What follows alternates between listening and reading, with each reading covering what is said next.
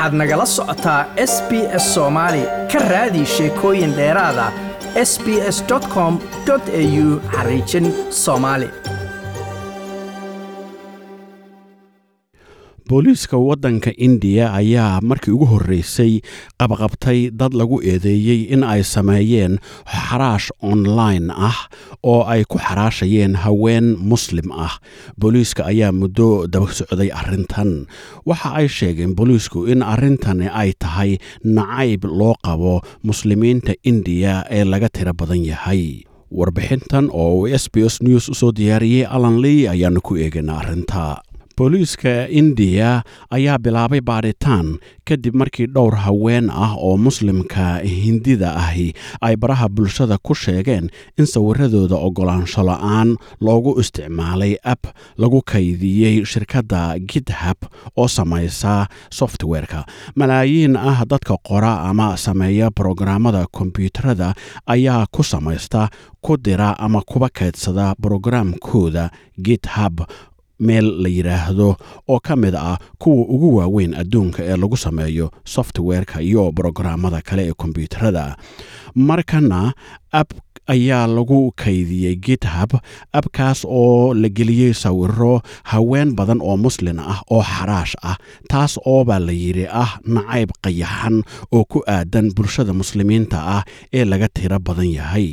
Mid ka mida dhibanayaasha oo dooratay in magaceeda la qariyo ayaa sheegtay in ay arrintaa aad uga xun tahay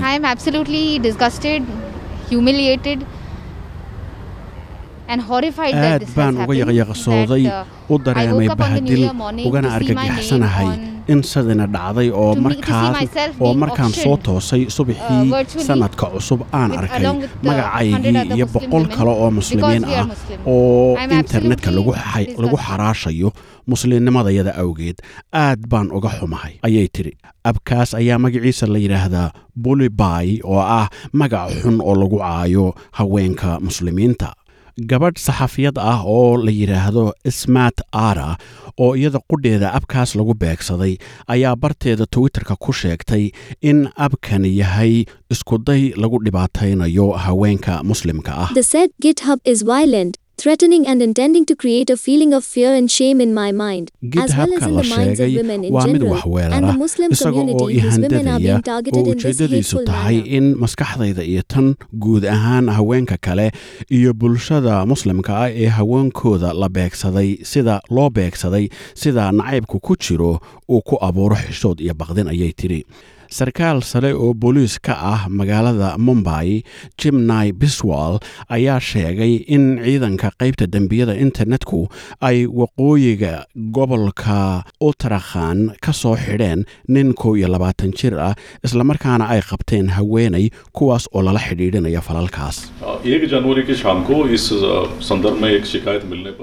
Baadhitaan ayaa bilaabmay. arrintan si dhaba ah ayaanu u qaadanaynaa waxaana la bilaabay habka initiated. arrintan loogu wareejin lahaa qaybta dembiyada internetka ayuu yidhi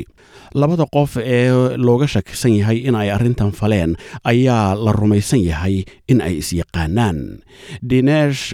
barajapati oo ah qareenka ninka iyo labaatan jirka ah ayaa sheegay in ay arrintani sida laga yeelayaa tahay mid u taalla maxkamadda He has been taken into police custody until the 10th of January. and booliiska ayaa gacanta ku hayn take a doona ilaa tobanka janaayo kadibna waxaa la samayn doono maxkamadda ayaa go'aamin doonta ayuu yidhi. Gabadha dhibanaha ah ayaa sheegtay in ay ku faraxsan tahay in dad loo xidhay arrintan laakiin waxay weli ka sii argagaxsan tahay in abka noocan ah markii horeba la sameeyey As we speak, we know that two of the culprits have been one has been waqtigan aan arrested, the other has hadlayo been detained. waxaanu ognahay in labadii 21-year-old, eedaysane uh, midna la xidhay midna loo hayo am midkood waa wiil jir ah iyo ka kale oo ah haweenay waxaanan ka argagaxsanahay in shakhsi uu nacayb sidaa u badan u qabo bulshada oo ay tan ku kaceen ayay tidhi. Wasiirka information technologyga india ashwini vaishnaw ayaa maalinkii sabtida sheegay in github ay xaqiijisay in khadkii laga xidhay shakhsigii abka sameeyey. Warbixintanna waxaa s b s u soo diyaariyey alan lee like aas la wadaag wax ka dheh lana soco barta facebooka ee sb s soomaali